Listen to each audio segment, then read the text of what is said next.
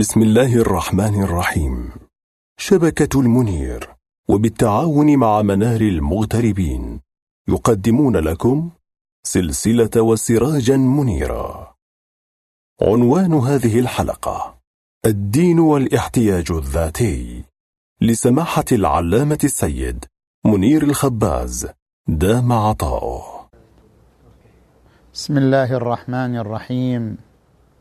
فأقم وجهك للدين حنيفا. فطرة الله التي فطر الناس عليها لا تبديل لخلق الله. الدين يشبع حاجتين أساسيتين في شخصية الإنسان. الأولى حاجة نفسية وهي حاجة الإنسان إلى الأمن والإطمئنان.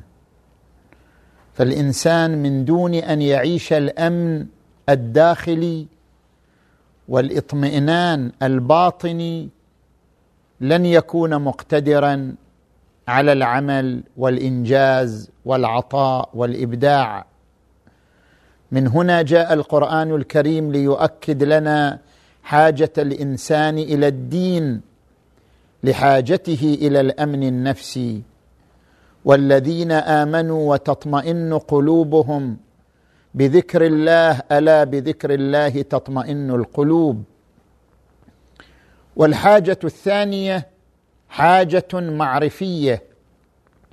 هناك ثلاثة أسئلة تتبادر لذهن الطفل فضلا عن الكبير وهي أسئلة فطرية ولد الإنسان وهو معجون بها وممتزج بها. من أين جئنا؟ وإلى أين سنمضي؟ وما هي حلقة الوصل بين مبدأنا ومنتهانا؟ هذه الأسئلة لا يخلو منها إنسان. كيف جئت؟ إلى أين سأمضي؟ ما هو الطريق الذي يوصلني بالنهاية؟ هذه الأسئلة الفطرية المعرفية لا يوجد جواب مقنع إلا في الدين.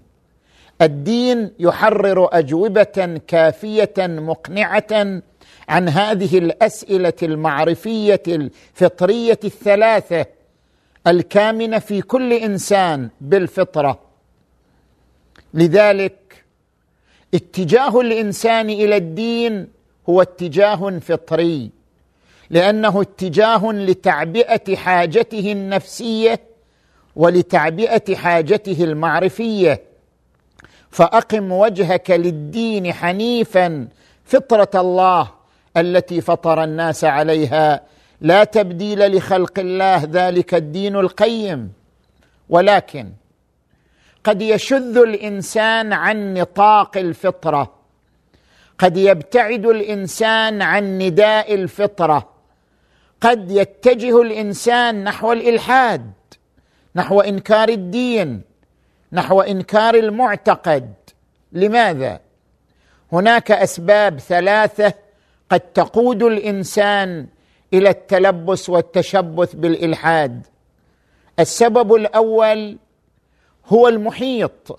إذا عاش الإنسان في أجواء بين ملحدين بين منكرين بين مشككين أو كان على أو كان عبر وسائل التواصل يتلقى المقالات التي تطعن في الله في الدين دون أن يكون له ثقافة دينية مفعمة دون أن تكون عنده إرادة ومبادرة للرجوع إلى الكتب الدينية للرجوع إلى العلماء المتخصصين ليعرف تفاصيل هذه القضايا العقائدية من هنا يتأثر بالمحيط فيتجه نحو الإلحاد.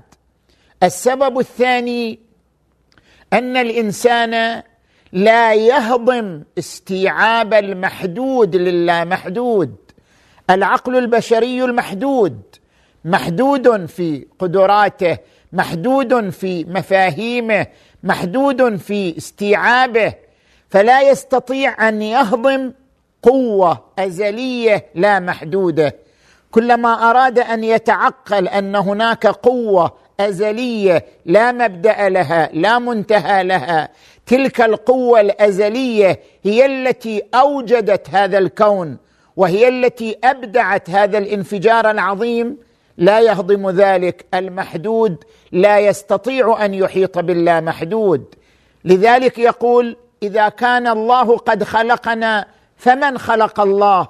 لأنه لا يستطيع أن يتصور شيئا ليس له مبدأ وليس له منتهى مع أن الله ليس إلا قوة أزلية ذكية عاقلة حكيمة قادرة أبدعت هذا الوجود. فليس هناك زمن ولا عدم سابق على هذه القوة الأزلية. السبب الثالث هو الرغبة في التحرر. بطبيعة الإنسان يحب أن يتحرر من كل أنظمة يحب أن يتحرر من كل القوانين يحب أن يعيش في غابة وحدة يتصرف بما يريد. لذلك يخاف من كلمة الدين يخاف من كلمة وجود الله. الله يعني دين الدين يعني نظام. النظام يعني قيود لحريتي فرغبة في التحرر من القيود والتكاليف والالتزامات يلجأ إلى إنكار الدين وإنكار المعتقد لأن هذا يعطيه ذريعة للتحرر من كل هذه الالتزامات مع أن في الالتزام بالنظام اشباعا لطاقة في شخصية الإنسان ألا وهي قوة الإرادة. الإنسان في شخصيته يحمل ملكات عظيمة. من أهم ملكاته قوة الإرادة. وقوة الإرادة لا يمكن إشباعها إلا بالالتزام بالنظام. إذا كان هناك نظام يسير الإنسان على طبقه تقوى عنده طاقة الإرادة وتعظم عنده قوة الإرادة. فالدين بالنتيجة من حيث نظامه وقوانينه أيضا يشبع طاقة وملكة في شخصية الإنسان ألا وهي ملكة قوة الإرادة وطاقة الإرادة. والحمد لله رب العالمين.